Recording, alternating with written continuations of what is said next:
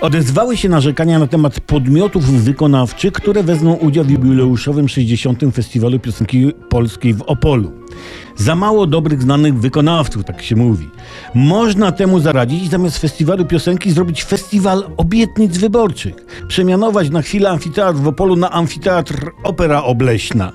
Będzie koncert premiery, tu jak sama nazwa wskazuje, gwiazdą będzie sam pan premier. Chórek będzie śpiewał Co mi panie dasz? A premier Morawiecki odśpiewa songiem z gatunku kit pop. Tak wiele ci mogę dać, choć sam niewiele mam. Wystąpi minister Ziobro z rokowym kawałkiem o poparciu mniej niż zero, czy jaszcząb Glapiński z przebojem w stylu pop inflacja ciągle spada, dadi dadi dadi dadi i tak dalej. Były minister zdrowia zaśpiewa w duecie z instruktorem narciarskim baladę w stylu geszeft reggae, nietykalni. Obecny minister zdrowia zaśpiewa rok obietnicę o darmowych lekach dla seniorki, nie płać FK.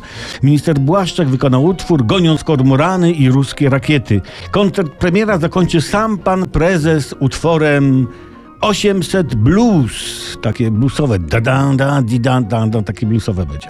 W drugim koncercie, nie debiuty, ale debety, wystąpi opozycja. Super Trio, Hołownia, Kosiniak, Kamysz zaśpiewają pieśń na orientację Trzecia Droga, iść ciągle, iść tak bez końca.